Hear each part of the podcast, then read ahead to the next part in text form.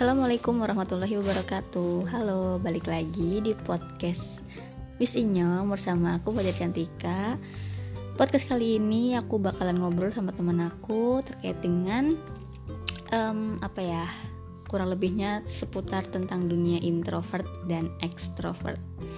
BTW ini minggu kemarin aku memang gak upload uh, podcast karena memang lagi gak ada waktu. Jadinya uh, minggu ini aku usahakan dan ya seada waktunya aja sih jadi yang penasaran kita bakal ngobrol apa aja dan sama siapa dengerin terus ya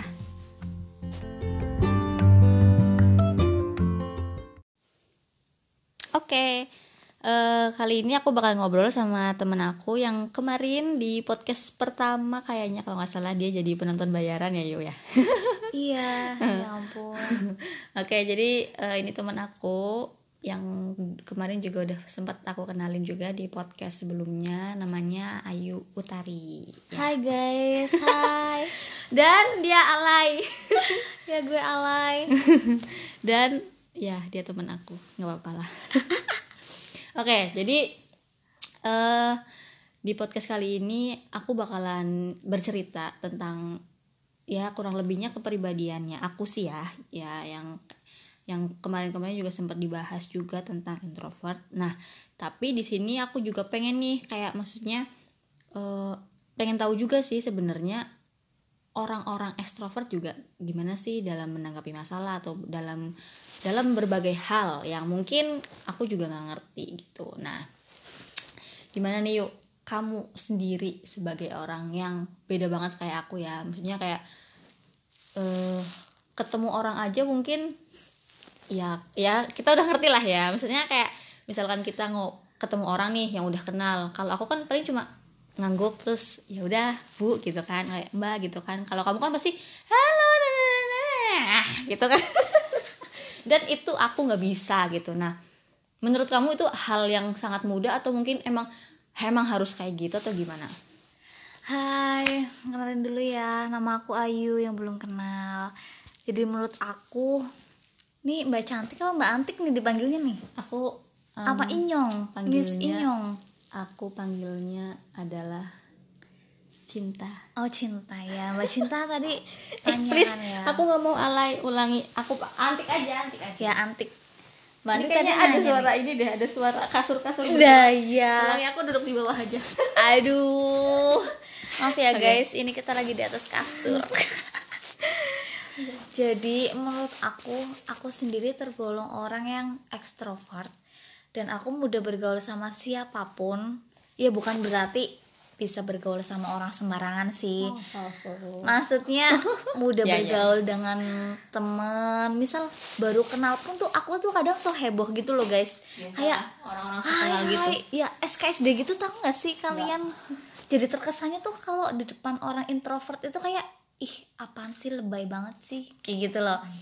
Tapi bagi orang-orang yang mudah bergaul itu menyenangkan kayak gitu. Di saat kita menyapa ke teman-teman itu kita merasa happy kita merasa senang banget gitu loh. Oh ya kita kita ketemu sama teman. Nah apalagi kalau lawan ngomong kita tuh juga ekstrovert gitu loh. Jadinya tapi berisik banget gak sih kali maksudnya kan kayak satu suka ngomong satunya lagi suka ngomong. Kayak aduh berisik banget. Kayak menurut aku ya menurut aku gitu. Tapi menurut kalian kalian ngerasa oh ya aku harus agak diem nih karena yang lawan aku juga berisik gitu. Oh iya. Jadi itu kan emang di pandangan anak introvert ya. Ih lebay banget sih. Ih berisik banget sih. Ih kok berisik sama berisik itu gimana sih? Kalau menurut kita para ekstrovert itu kalau kita ketemu sama-sama ramai tuh kita bener-bener kayak lepas landas kayak pesawat terbang gitu loh guys. Kayak bener-bener kita tuh happy banget. Kita tuh ketemu sama teman wah iya iya iya. Apalagi habis itu ya kalian tau lah ya suatu yang bikin membuat asik apalagi gibah kayak gitu ya. Eh, boleh. kita kita nggak memunafikan gitu apalagi sama orang ekstrovert itu bener-bener lancar jaya gitu loh. Mungkin kalau orang introvert ya nggak semudah itu. Anak introvert itu susah buat ya kayak menyapa itu susah. Kalaupun anak introvert itu mau menyapa pun dia harus didahului gitu loh guys. Kayak gengsi gengsi gimana lo jadi dia nggak mau kayak gitu. Misal kalau Hai mbak, baru si introvert itu Hai. Misal kayak gitu. Jadi nggak bisa langsung tuh kayak sok kenal sok deket sok ngomong panjang lebar itu bener-bener enggak sih. Aku mau ngobrol, ngobrol sama kamu setelah kita kenal berapa bulan. Iya Iya jujur aja. Jadi aku tuh masuk tapi kamu juga kan ngerem kan? Kamu juga maksudnya kayak ah mbak Antik orangnya apa kayak maksudnya kayaknya diem jadi kamu juga Iya. ke aku juga gitu Iya, jadi sebelum kalau aku sendiri ya nggak tahu anak ekstrovert yang lain itu kayak gimana. dan terbukti di podcast ini bakalan kalian denger suara Ayu terus ya intinya aku nggak tahu para ekstrovert yang denger ini tuh kayak gimana. Kalau menurut aku, jadi kalau kita lagi berhadapan sama anak introvert, kita juga harus tahu porsi porsi ngomong kita tuh ke dia tuh kayak gimana seberapa. Soalnya takut dia juga ilfil juga guys. Aduh iklan ya guys. Itu sorry. using after washing face. I, I'm Jadi- washing face. intinya tuh kita juga nggak bisa kayak misal di depan anak introvert kita Filmnya. cerewet sendiri atau kita ngomong sendiri itu nanti jatuhnya malah kita yang lebay gitu loh. Dan anak introvert itu bakal nggak suka sama anak introvert ekstrovert tapi menurut kamu nih yuk eh, aku sih nggak ngerti ya ini dalam bidang psikologi atau apa. Ini aku nggak ngerti. Maksudnya kayak kayak kita jadi kotak-kotakin gak sih? Ini orang intro ini orang ekstro terus juga katanya ada istilah ambivert itu yang di tengah-tengah dua-duanya itu ada gitu. Aku sih nggak nggak nggak bukan nggak setuju sih. Cuma kayak kadang ada orang yang ih intro banget sih apa ekstro jadi kayak emang sudah jadi ciri khas gitu. Cuma menurut aku masing-masing kepribadian itu menurut aku sih ada minus dan ada plusnya. Walaupun memang sekarang kayak umumnya memang sudah dikotakan kayak misalkan oh kamu orang kayak gitu. Oh kamu udah tipe ekstrovert gitu kan. Kayak aku yang kayak gini introvert. Tapi kan kita maksudnya ambil sisi positifnya lah ya. Maksudnya bukan semua bukan semua orang yang ekstrovert itu juga berisik rame apa itu namanya sih bawel kayak gitu kan. Terus kayak bukan juga semua orang introvert pendiam nggak bisa diajak ngobrol nggak asik gitu misalkan. Jadi kayak tapi kadang tuh orang nggak tahu sih ya kalau aku ya kayak kesan pertama itu pasti menjadikan judge selanjut selanjutnya itu ya berterus terus kayak gitu. Kan aku udah ngejudge kamu misalkan ih ayu berisik banget. Misalkan ya misalkan walaupun dia kayak gitu lah. Ya, ya "Ih, emang gitu. Ayu berisik banget gitu kan. Terus kayak ah berarti apa ya kira-kira kalau aku sama Ayu aku bakal ngobrolin apa? Jadi kayak udah mikir loh jadi ah Ayu orangnya kayak gini jadinya aku harus mikir. Aku lawan bicaranya kayak gini nih orang kayak kayak Ayu. Terus aku bisa nggak ya kayak berteman sama kamu kayak gitu loh? Jadi kalau kamu gimana? Maksudnya setuju nggak sih kayak kita mengkotak-kotakan kamu intro aku eks kamu ekstro aku intro kayak gitu? Jadi sebenarnya menurut aku itu aku kurang setuju juga kalau misal harus ada perbedaan antara anak introvert yang nggak bisa main sama anak extrovert. Itu itu bener-bener menurut aku nggak nggak banget lah. Karena aku yakin anak sekarang Iya bener kalian kan cara makanya gitu? Iya benar benar seger kan? Iya. Lanjut. Jadi aku sama sekali nggak setuju karena kita masing-masing punya kepribadian yang beda-beda. Yaitu belum tentu anak introvert itu dia diem. Belum tentu juga anaknya ekstro eh introvert ya. Belum tentu yang introvert itu diem dan belum tentu yang ekstrovert itu kayak selalu ngomong selalu rame karena kita punya kepribadian masing-masing. Contohnya nih aku aja di saat aku rame aku pun pernah merasakan aku sendiri. Aku jujur sering merasakan aku merasa sendiri walaupun di depan teman-teman mungkin aku anaknya rame tapi sebenarnya tuh aku lagi kesepian guys. Ya, jadi jadi nggak semua pandangan orang bahwa anak ekstrovert itu selalu rame. Nah kemudian anak introvert itu selalu berpikir ih dia pendiam dia nggak akan pernah cerita apa pun. Dia pasti kalau misal kumpul-kumpul dia nggak pernah sh- sharing atau cerita apa pun itu. Belum tentu karena sekali anak ternyata. Oh my god oke lanjut. Jadi sekali anak introvert itu ketemu sama anak ekstrovert dan mereka bakal saling nyaman mungkin ya karena dua-duanya eh, mempunyai pemikiran bahwa kita bisa loh bareng introvert sama extrovert yang penting kita tahu porsi omongan kita masing-masing gitu. Jadi yang ekstrovert harus bisa memposisikan introvert begitu juga yang intro- introvert juga bisa memposisikan kayak ekstrovert. Kayak mbak Antik tadi tuh sama aku. Jadi aku pertama jangan panggil aku mbak. Oh iya Antik ya ampun. Antik berarti. coy. oh iya oke. Jadi pertama ketemu sama Antik ini tapi aneh ya? Iya aneh. Biasanya mbak Yaudah, jadi aku ketemu sama Antik ini bulan September pertama Ingat? aku kerja. Oh my god aku ingat aku ingat. Eh bahkan Agustus karena pertas sebelum aku kerja aku survei dulu ke kantor. Dan aku lihat dia tuh emang oh ini anak kalem banget. Widih, bahkan syari coy syari gue mah apa atuh remukan rengginang nah setelah itu aku memposisikan diri. Aku juga ngomongnya kalem. Kayak gitu loh contohnya loh guys. Kesan pertama gitu. Kok sekarang udah enggak walaupun lama kelamaan ya udah gentoakan. Ih gentoakan bahasa apa ya guys? Bahasa ini apa apa iya nggak apa-apa ya. intinya Miss kayak gitu loh guys. Karena semakin kita dekat sama seseorang kita akan semakin terbuka dengan sifat kita watak kita semuanya tentang kita jadi nggak ada yang nggak mungkin kalau anak introvert sama ekstrovert itu bareng atau berteman. Gitu guys. Terus nih kayak em, aku aku sendiri nih merasa ya introvert gitu. Aku memiliki aku aku merasa aku memiliki kelebihan dengan sifat aku yang seperti ini. Yang pertama aku lebih bisa eh, mengontrol kayak eh, lingkup pertemanan aku gitu. Soalnya kan ya emang orang kayak aku kan susah gam susah untuk memulai kan. Kayak jadi kayak ya udah temenan juga pasti yang udah lama yang memang udah kenalnya lama dan memang udah tahu banyak gitulah.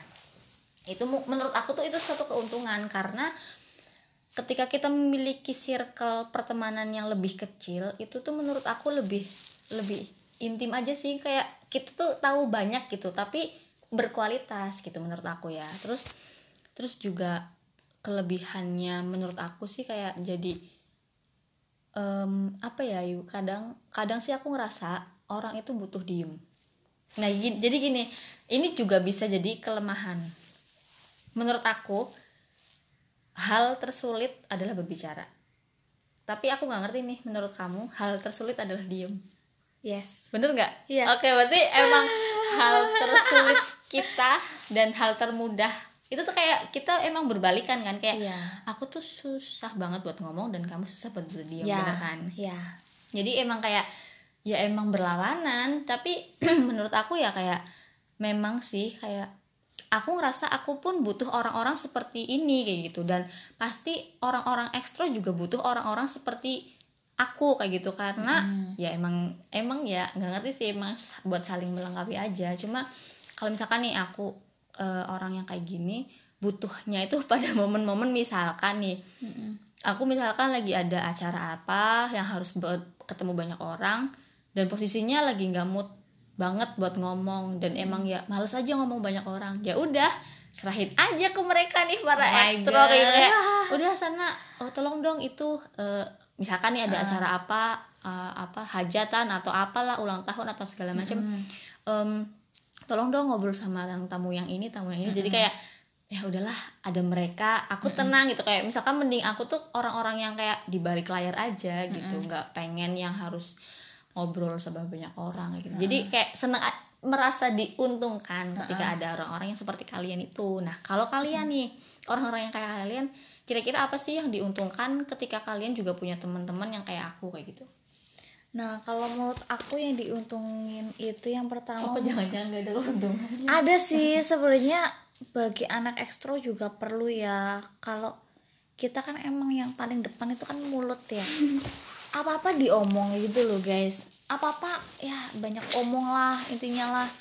Jadi kita juga butuh kayak sifatnya orang intro. Kita harus juga kita nggak di depan mana pun kita harus ngomong gitu loh guys. Kita nggak mungkin kan di depan orang kita harus ngomong di depan misal di depan publik misal apa di contohnya di stasiun kita ngomong di mana aja kita ngomong.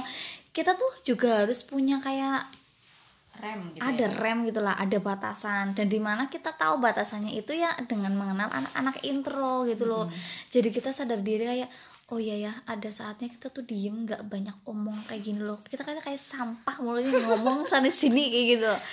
Jadinya oh iya iya ya tapi kadang ngerasa kamu ngomong nggak nggak penting gitu. Sering banget. Jadi kayak maksudnya kam, kalian kamu sadar itu adalah hal yang nggak penting tapi tetap diomongkan gitu. sadar banget iya. Oke oke ngomong. oke. Tapi nggak capek ya? Nggak capek. Dan ada aja yang harus diomongin gitu. Ada aja Oke, dan apa pun itu bisa, maksudnya kayak aku kan mikir dulu kan, misalkan nih kita tadi habis makan bareng kan, terus kayak aku sebenarnya eh di meja kita nggak ada tisu, nah aku kayak butuh tisu, cuma males ngomong ke pelayan misalkan mbak minta minta tisu gitu, kayak akhirnya aku memutuskan untuk ya udah sih nggak pakai tisu nggak apa-apa kayak gitu, kayak ya udah males ngomong aja sama mbaknya gitu, minta tolong ambilin tisu, nah kayak kalau misalkan kayak kalian kan pasti ya udah sih tinggal ngomong kan kayak Iya.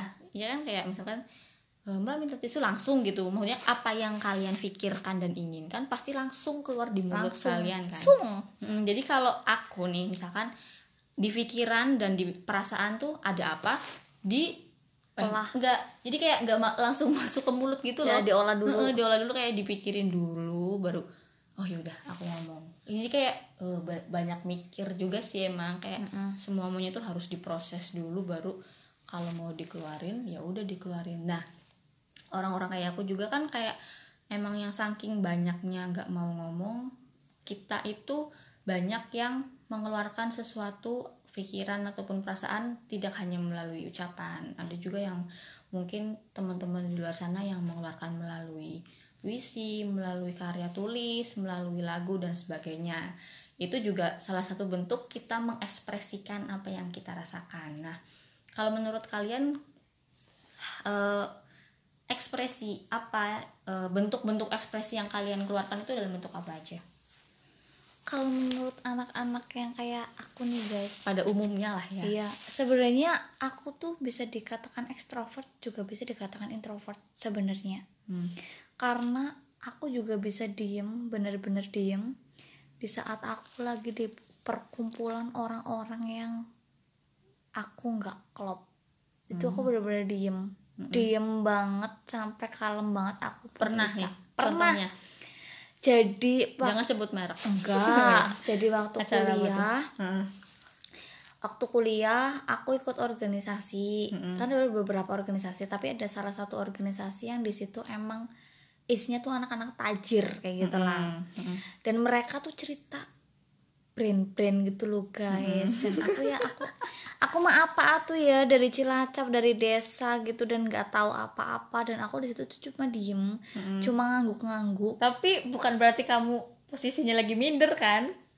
Ya Atau enggak enggak? lagi minder. Tapi karena emang karena emang nggak tahu. Heeh, karena nggak karena tertarik juga. tahu nggak tertarik dan kalaupun aku ngomong tuh berasa kayak nggak penting kayak gitu loh. Hmm. nggak minder nggak minder. Cuma berasa mulut aku tuh kayak ih mau ngomong apa sih? Nggak penting banget gitu kan. Kayak gitu kan. Kalau anak intro kan kayak gitu. Ngapain Mm. ngomong? Kayak gitu kan ibaratnya. Nggak penting banget kayak gitu. Nah kalau misal anak extrovert sih mungkin anak introvert kebanyakan dia bukan produk sih ya. Ya kayak karyanya kayak gitu. Mm. Dia mungkin lebih nyiptain lagu mungkin dia juga mungkin musisi. Mungkin beberapa tapi yang beberapa semua. kayak gitu nggak semuanya. Kalau anak extrovert itu kalau kamu aja deh kalau kamu kalau aku mengekspresikan sesuatu itu dengan bentuk apa? Dengan bentuk jerit. Berarti lagi-lagi dengan bentuk eh mulut ya maksudnya iya kayak mulut. Ya jadi indra- gimana ya? Aku indra- nggak ada karya nih guys. Aduh gimana maksudnya nih kayak gitu. emang semuanya tuh bisa di, harus dikeluarkan iya tanpa- harus. Tanpa harus mikir memikir. nggak sih? Kalian nggak mikir dong. oh mikir guys. Loh mikir guys. Jadi kalau aku ngomong pun aku mikir perasaan orang lain loh. Oke, mikir ya. Mikir. Walaupun emang spontan sih contoh nih kayak misal makan kayak tadi ya kayak anti kan bilang tisu. Jangan kan tisu password wifi aja aku nanya guys. Nggak malu kayak gitu loh. Oke oke jadinya intinya apa yang aku butuhkan aku bakal ngomong tapi tetap berpikir cuma pikirnya cepat Mm-mm. jadi dalam waktu beberapa menit tuh udah langsung detik. plus ya detik bahkan ya.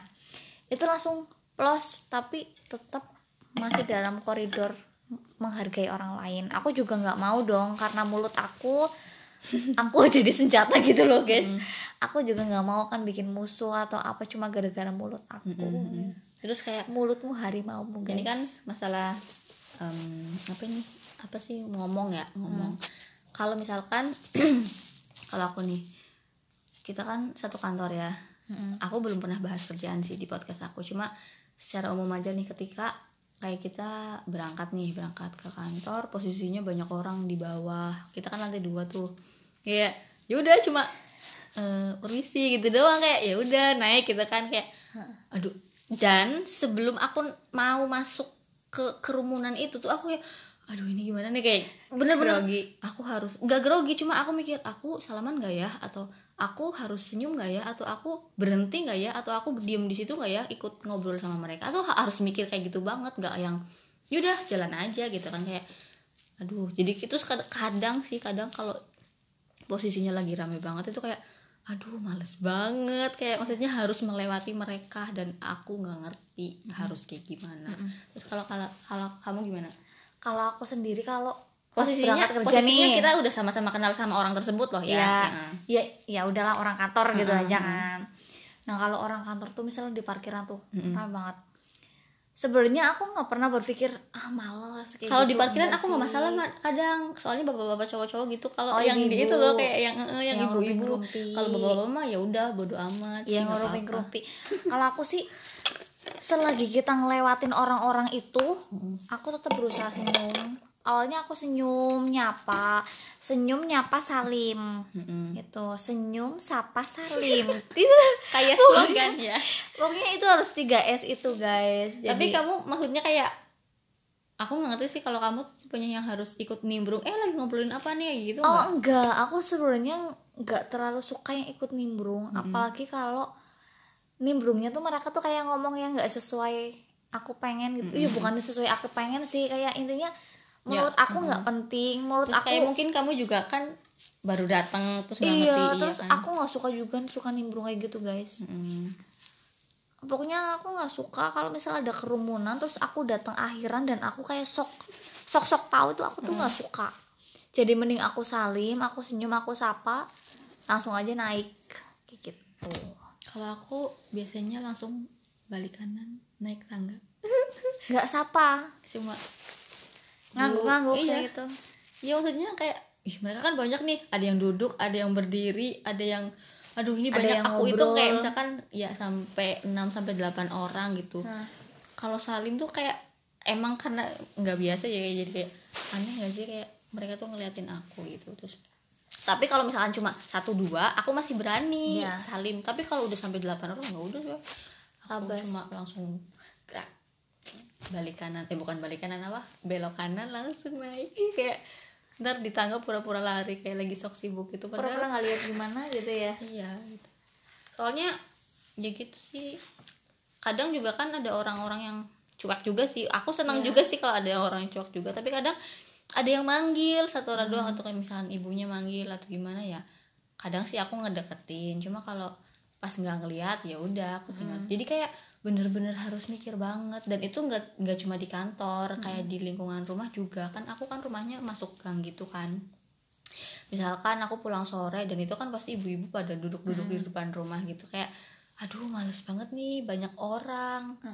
Posisinya aku bawa motor misalkan terus kayak aku baru pulang terus ya males aja harus melewati be- eh, beberapa Kerumunan. eh, kerumunan itu. Terus ya akhirnya aku cuma jalan dan beda ya kalau di di kampung sama di kota. Kalau di kota itu kalau misalkan kita di perumahan atau apa kita cuma klakson atau menganggukkan kepala itu udah suatu bentuk eh, kehormatan kepada mereka. Tapi kalau di desa tuh enggak kayak harus berhenti terus kayak nih eh, ya basa-basi gitu loh. Kayak itu baru suatu bentuk hal yang sopan. Jadi kayak ngangguk dan klakson motor mobil itu di di kampung itu masih hal yang sangat tabu dan apa sih? Kayak gitu loh kayak nggak nggak terlalu sopan gitu. Jadi kayak dan makanya aku kalau pulang itu kadang pas ngelewatin kamu mending udah agak mau maghrib aja. Jadi udah gak ada orang. Sepi gitu ya. semikir itu loh yuk kayak gitu. Jadi banyak faktor yang menyebabkan nggak ngerti sih banyak yang harus difikirkan sebelum bertindak ataupun mengucapkan kayak gitu guys. Jadi kayak sebenarnya introvert sama ekstrovert itu eh, sama-sama bagus dan sama-sama ada plus ada minusnya. Dan eh, bukan berarti aku yang orang intro nggak bisa ngomong nggak bisa bergaul nggak bisa bermasyarakat. Dan belum tentu juga nih orang yang ekstro itu berisik terus berisik. Terus kayak eh rajin gosip terus ya kan kayak terus sosial sosialita kayak gitu-gitu terus juga enggak. Maksudnya kayak semua itu tergantung kan kepribadian orang juga beda-beda. Kayak misalkan aku kalau aku aku kalau misalkan lagi sama Ayu nih ngobrol enak karena eh, meskipun aku diem gitu ketika aku ngomong dia mau dengerin gitu. Jadi ya dia pun diem gitu. Maksudnya nggak yang nggak Ya, iya, tapi, keluar. tapi nanti komentar tetap komentar ya di ujung komentar. Cuma kayak misalkan dia mau dengerin gitu loh. Jadi kan ya udah ada waktu di mana dia juga jadi pendengar ada waktu dia juga diem dan bisa eh, menghargai aku yang lagi ngob- ngomong karena aku tuh jarang ngomong gitu. Jadi kayak ya merasa merasa ada untungnya juga gitu berteman sama mereka. Dan ya itu tadi mereka bisa eh, menggantikan kita ketika kita juga lagi nggak bisa ngomong gitu. Terus nih em, nah ini agak menyerempet sih ke kerjaan kita. Em, kerjaan kita kan di sosial nih ya. Iya sosial. Dan eh, aku ini banyak banget bukan banyak sih bu- eh, jadi ada beberapa orang lah ya yang hah orang kayak kamu kerja di sosial? Kayak gitu kayak kaget gitu loh terus kayak emang salah? Aku kayak emang salah? Dan emang aku tuh keinginan buat di bidang sosial itu emang dari SMP itu bukan aku emang aku ngerasa aku aku juga paham bahwa ini bukan bakat. Kayak bakat kan dulu kan ada kan yang kayak SMP SMA tuh eh, tes bakat minat gitu kan Iya. ya. Nah emang bakat aku tuh gak di dunia sosial gitu. Tapi aku ada keinginan dari SMP kayak ngelihat orang-orang kayak kalian nih yuk. Kayak yang anak-anak osis anak-anak pramuka anak-anak yang punya organisasi di sekolah. Aku tuh ngerasa amazing banget sama kalian yang bisa ngomong di depan adik kelas ngomong misalkan harus ke ruang guru di depan kepala sekolah di di depan pembina osis. Tuh aku tuh kadang ngerasa wah kok mereka bisa ya? Kayak maksudnya ngomong di depan orang banyak mem- men- membina adik kelas misalkan kayak gitu ketika lagi mau status segala macem. Dan jadinya aku ada keinginan ah kayaknya aku perlu deh sekolah di sosial. Makanya dari SMA aku langsung ngambil jurusan IPS terus kuliahnya juga pokoknya nyari yang sos- berbau-bau sosial walaupun aku nggak ngerti itu pelajarannya nanti apa aja gitu. Cuma itu jadi bumerang. Kayak memang aku yang introvert terus kayak banyak orang yang wah kamu kuliah eh kamu kerjanya di situ kayak kayak nggak salah. Kan harus ngomong sama banyak orang dan segala macem. Jadi banyak orang yang ih orang kayak gini mah nggak cocok kerja di dunia ini kayak gitu loh. Jadi dan e, menurut aku sendiri sih ya emang emang ada kekurangannya juga dan ada kelebihannya kalau misalnya kayak kamu kan kerja di kayak gini ya pas banget nggak sih? Kayak ya udah modal modal kasarannya nih ya modal omong doang udah kerja gitu kan. Sedangkan aku itu harus dua kali lebih ekstra mengeluarkan tenaga aku yang yang emang dasarnya nggak bisa ngomong malas ngomong eh harus, diwajibkan ngomong kayak gitu. Nah kalau misalkan menurut kamu nih ah orang kayak introvert mah nggak cocok di bidang sosial itu kayak gimana? Kalau menurut aku kalau introvert itu kan soal kepribadian ya guys. Maksudnya orang introvert itu artinya dia lebih cenderung menutup diri untuk kayak menutup diri untuk apa tuh namanya ya mencurahkan perasaannya gitu kan ke orang lain. Tapi kalau masalah sosial masalah pekerjaan menurut aku tuh nggak perlu dilebih-lebihkan bahwa anak introvert itu nggak bisa kerja di sosial kayak gitu loh. Karena belum tentu anak introvert itu ke masyarakat itu menutup dirinya gitu. Kalau menurut aku introvert itu lebih cenderung ke cuma perasaannya dia. Dia lebih menutup menutup tentang perasaannya dia dan dia punya privasi yang sangat sangat lebih karena dia nggak mau privasinya itu diketahui banyak orang. Jadi kalau ada orang-orang yang bumerang kok bisa sih anak introvert kerja di sosial. Hmm, kayak ah nggak cocok ah gitu. So what? Nggak nggak mungkin lah kayak gitu. Hmm. mungkin mungkin aja gitu karena kita kita kerja di sosial itu untuk banyak orang. Parah nih. Edit ini di cut ini sekencang ini bu keras banget. Aduh itu dispenser aku ya guys. Jadi maaf. juga nanti di cut ini video ada video. Ininya harapnya jadi intinya itu guys anak introvert itu yang kalian harus pahami banget introvert itu belum tentu anak yang menutup diri dengan masyarakat atau lingkungannya. Yeay, ada yang belain aku.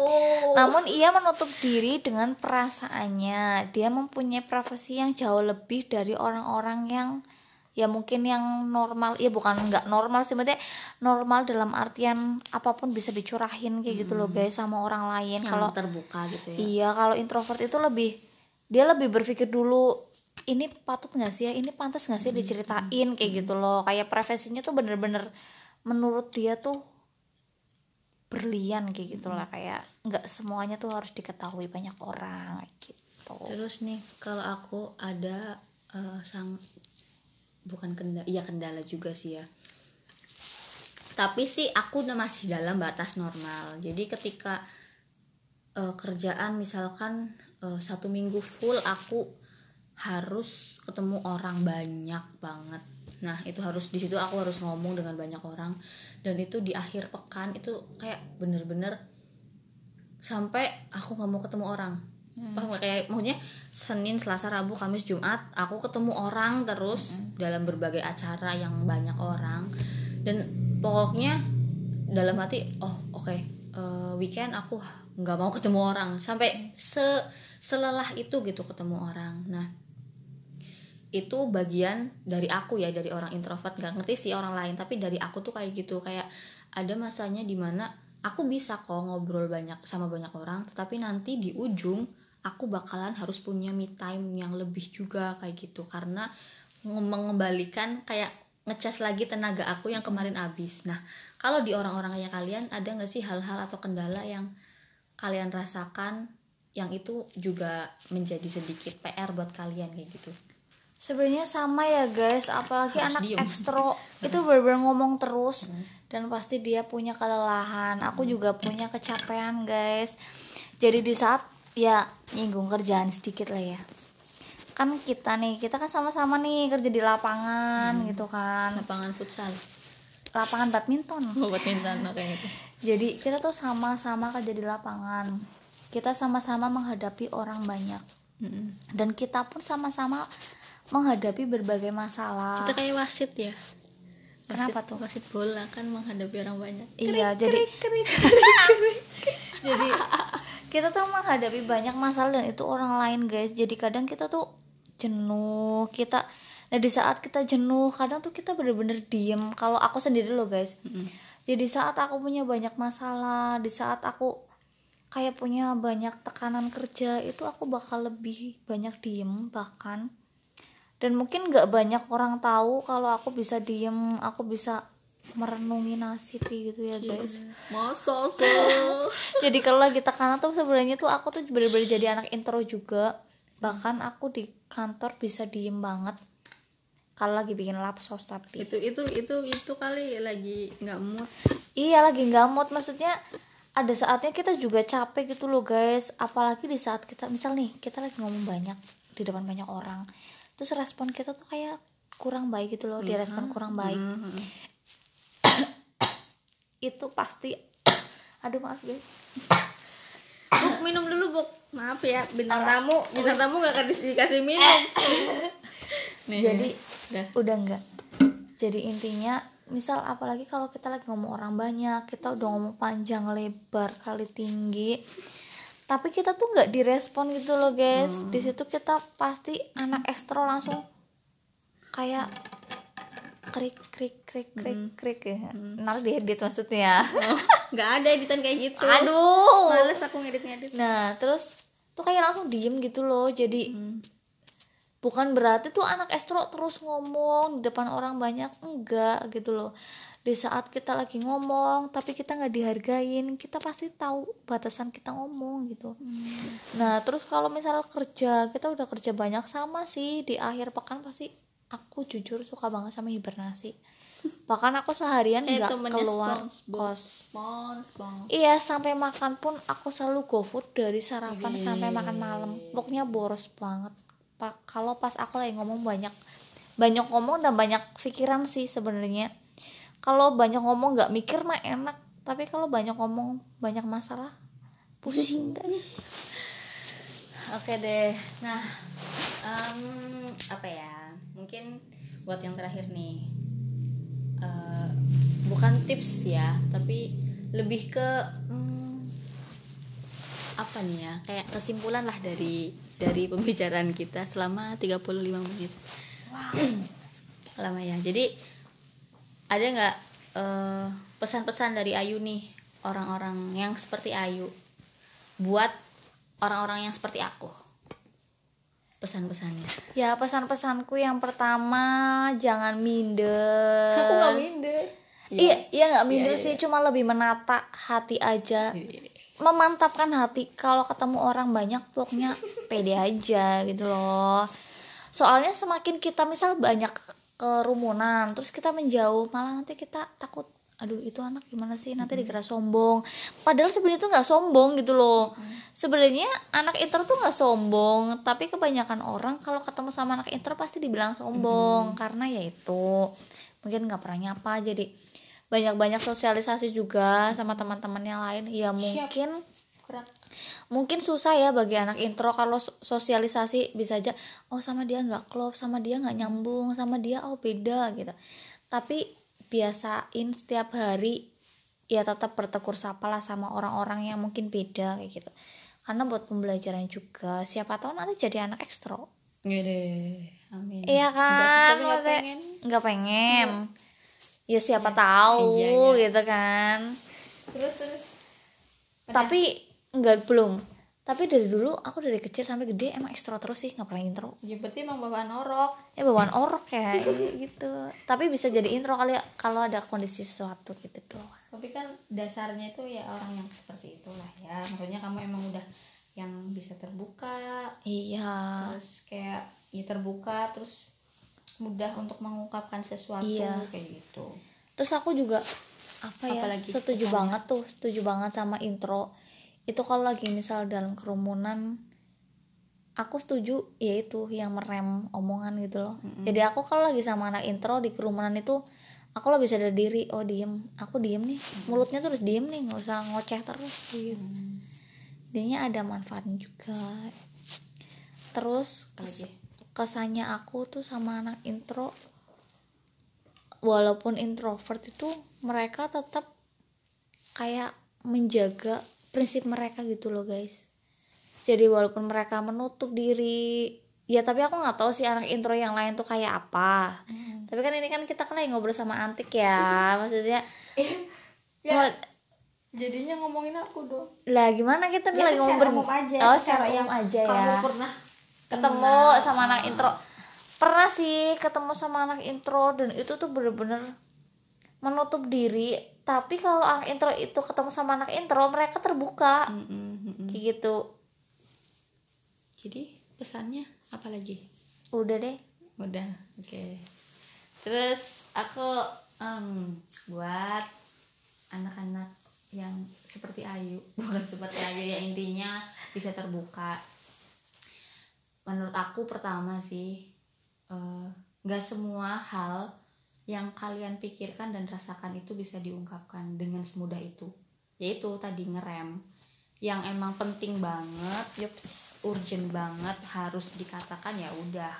Tapi kalau hal-hal yang memang gak penting yang masih bisa kalian pendem sendiri ya udah save di kalian aja gitu. Nggak usah yang terlalu banyak diomongin ke orang lain. Karena ada negatifnya juga sih terlalu banyak kita ngomong ke orang lain gitu. Jadi kayak privasi kita terlalu terbuka nggak sih Iya. kayak gitu? Iya sih ya. Mm. terus hmm, ya itu tadi itu yang pertama. Terus yang kedua kayak ya jangan jangan bosan untuk dimanfaatkan oleh orang-orang seperti kita. Bukan memanfaatkan sih ya cuma kayak maksudnya ya pas aja gitu kayak maksudnya ya udahlah eh, soalnya nggak ngerti sih ya pasti kan di suat misalkan kita pergi bareng ya secara otomatis gak sih kayak misalkan ya udah kamu ngobrol sama misalkan kita beli sesuatu kamu yang ngobrol sama mamangnya aku ya udah diem gitu kan. Dan ya emang kayak udah udah ya udah udah kayak gitu aja mengalir aja tiba-tiba kayak gitu.